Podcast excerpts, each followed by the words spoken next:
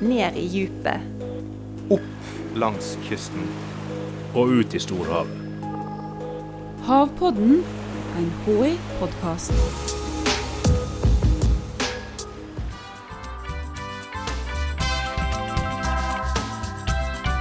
Sola blenker i det blå havet. En perfekt sommerdag på stranda. Du dupper tåen nedi, og temperaturen er faktisk ikke så aller verst. Så ser du dem der ute i sjøen. Et belte av brennmaneter. Disse ubedte festbremsene som legger seg så godt til rette akkurat der du hadde tenkt å hoppe uti. Men hva er egentlig disse sviende geléklumpene for slags skapninger? Maneter det er dyr, det er veldig gamle dyr. De, de fleste manetene, de, blant annet brennmaneten, de hører til de såkalte nesledyrene, som jo brenner, som vi vet. Og de består nesten bare av vann, 95% vann omtrent. Maneter hører også til plankton, vil si at selv om de er store, så driver de med havstrømmene, de kan altså ikke svømme mot strømmen. Jeg heter Tone Falkenhaug, og jeg er forsker ved Havforskningsinstituttet ved Flødevigen forskningsstasjon. Og jeg er, får ofte spørsmål om maneter. Det kan kanskje føles som om manetene aktivt legger beslag på din beste badeplass, men det er litt tilfeldig. Ja, det kan jo se ut som de målbevisst oppsøker de fineste badestrendene. Men sånn er det ikke. Så havstrømmene de oppkonsentrerer gjerne manetene kanskje inni bakevjer eller innerst i fjordene, og da havner de der. Men selv om manetene ikke kan svømme mot strømmen, så har de evne til å regulere dybden, så de svømmer opp og ned i vannsøylen løpet av døgnet for å leite etter mat. Og da kan de jo bli fanget av havstrømmer, da, og kanskje havne på en badestrand nær deg. Men hvorfor kan de svømme opp og ned, men ikke sidelengs? Det er for at uh, sidelengs er nok havstrømmene for sterke. Uh, og det at de svømmer opp og ned uh, i vannsøylen, de lar seg synke, og så svømmer de opp igjen, det er nok for at de har lyst til å treffe på mest mulig mat. Manetene er rovdyr, så de spiser kun andre dyr, og da spiser de små dyr, sånn planktondyr, sånn som krepsdyr, eller kanskje fiskelarver til og med, fiskeegg. Eh, og særlig den store brennmaneten vår, den kan jo spise litt større dyr. Eh, dette er jo da veldig gamle dyr som levde på jorda selv før dinosaurenes tid, 500 millioner år, og de har sett omtrent like ut som de ser ut i dag, så det ut på den tiden. Så det betyr at, det betyr at konstruksjonen er veldig vellykka. De har evne til å fange nok mat til å vokse seg store og reprodusere seg. Reproduksjon er like viktig for maneter som for alle andre, men oppveksten er ganske annerledes enn for andre dyr i havet. De manetene vi ser som driver rundt med havstrømmene, det er den såkalte medusestadiet. Da har du hannmaneter og hunnmaneter, og de er skiveformede, ser ut som tallerkener.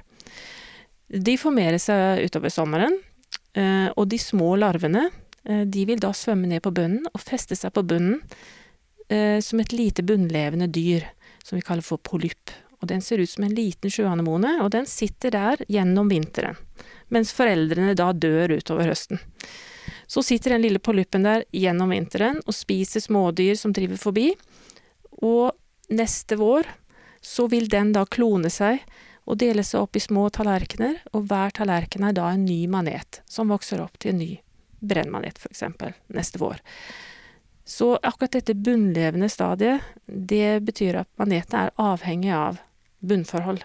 Så helst fast bunn, sånn som brygger og plattformer, eller hard steinbunn. Så jo mer vi bygger ut kysten, jo bedre forhold for brennmaneter. Vi som er glad i å bade, er kanskje mest opptatt av brennmaneten. Men den er faktisk bare én av mange ulike sorter. Ja, det er mange flere sorter enn folk er klar over. De store manetene som man lett ser, det er ikke så mange arter. Det er jo den vanlige brennmaneten, den røde brennmaneten, og så har vi den blå brennmaneten, som vi har sett det har blitt litt flere av de siste årene. Og så har vi da glassmaneten, som eh, har vært litt fraværende, men nå har dukka opp igjen, i hvert fall på Sørlandet. Men så har vi også en del eh, store gjester som kommer av og til inn. Men i tillegg til dette så er det da hundrevis av små maneter, som kan være bare noen millimeter eh, i diameter, som kanskje ikke er så lett å få øye på. Så i verden, på global basis, så tror man at det er ca. 2000 eller mer arter eh, som er eh, beskrevet. Men man tror at det kan være så mange som 30 000 arter som ikke er oppdaget av vitenskapen ennå. Og når det gjelder Norge, så, er, så, vet man ikke hvor mange arter det er. Eh, det har pågått, og pågår, en del kartleggingsprosjekter i Norge for å finne ut av eh, hvor mange arter og hvor de befinner seg hen i Norge. Så hvor mange av de to, 2000 artene som finnes i Norge, det er man i ferd med å undersøke. Man har jo bl.a. hørt om disse portugisiske krigs, krigsskipene som er dødelige. Eh, og når man får global oppvarming, risikerer vi også å få disse kjipingene hit til eh, Norge òg? Ja, det er jo vanskelig å spå hvilke arter som kommer hit, men det som er klart er at når vi får var varmere vann, så vil det også dukke opp andre arter som tidligere ikke trivdes her. Og da har vi Det er to, to ting eh, relatert til det. Det ene er at eh, visse arter vandrer nordover. Eh, om portugisisk krigsskip kommer helt opp til norskekysten, det vet vi ikke. Men eh, vi har jo observert en del andre varmekjære som har drevet med havstrømmene, og som eh, trives da når de kommer hit. Men så har vi et annet problem, og det er jo det at i og med at eh, vi har så mye skipstrafikk, så kan disse skipene føre med seg nye arter, som ikke ville ha kommet hit med havstrømmene, men som menneskene faktisk tar med seg til norskekysten. Og når vi da får varmere vann, så vil de da trives. Tidligere så ville de kanskje dø og ikke overleve vinteren, men nå klarer de faktisk å overleve. Og et eksempel på dette, det er jo den såkalte amerikanske lobemaneten, som mange har observert har blitt forekommer i store mengder på sørkysten av Norge. Den amerikanske blodmaneten? Ja. Den amerikanske lobemaneten. Det er eh, Vi kaller den for manet også, for den består også av 95% vann og er gjennomsiktig. Men den hører ikke til nesledyrene. Den hører til en helt annen dyregruppe av maneter, som heter ribbemaneter. Og de har ikke nesleceller, så de brenner ikke. Men de ser ut som små, gjennomsiktige romskip, og de siste årene, sånn utpå seinsommeren når det er godt og varmt i vannet, så dukker de opp i store mengder. Og dette er en såkalt fremmedart, som står på fremmedartslista. Som vi helst ikke ville hatt her, men som menneskene har ført med seg hit. Hver eneste sommer så ser folk manetene i sjøen, og Tone får mange spørsmål. Eh, dette er jo noe som folk ser, eh, særlig på sommeren og lurer på mye. Men det som er litt underlig, er jo at det pågår ikke mye forskning på maneter. Eh, ikke i Norge, og heller ikke i, på verdensbasis. Så det er fortsatt veldig mange uavklarte spørsmål når det gjelder maneter. Eh, mye som vi ikke vet, og det er jo litt spennende. Ja, er det noe du selv lurer på om maneten som du gjerne skulle ha hatt svar på? Ja, det er en lang liste. For det første, hva er det egentlig som gjør at vi noen år får veldig mye maneter, og andre år nesten ikke i det hele tatt? Det kan vi faktisk ikke svare helt på. Vi kjenner manetenes livssyklus og hva som påvirker, hva som kan påvirke.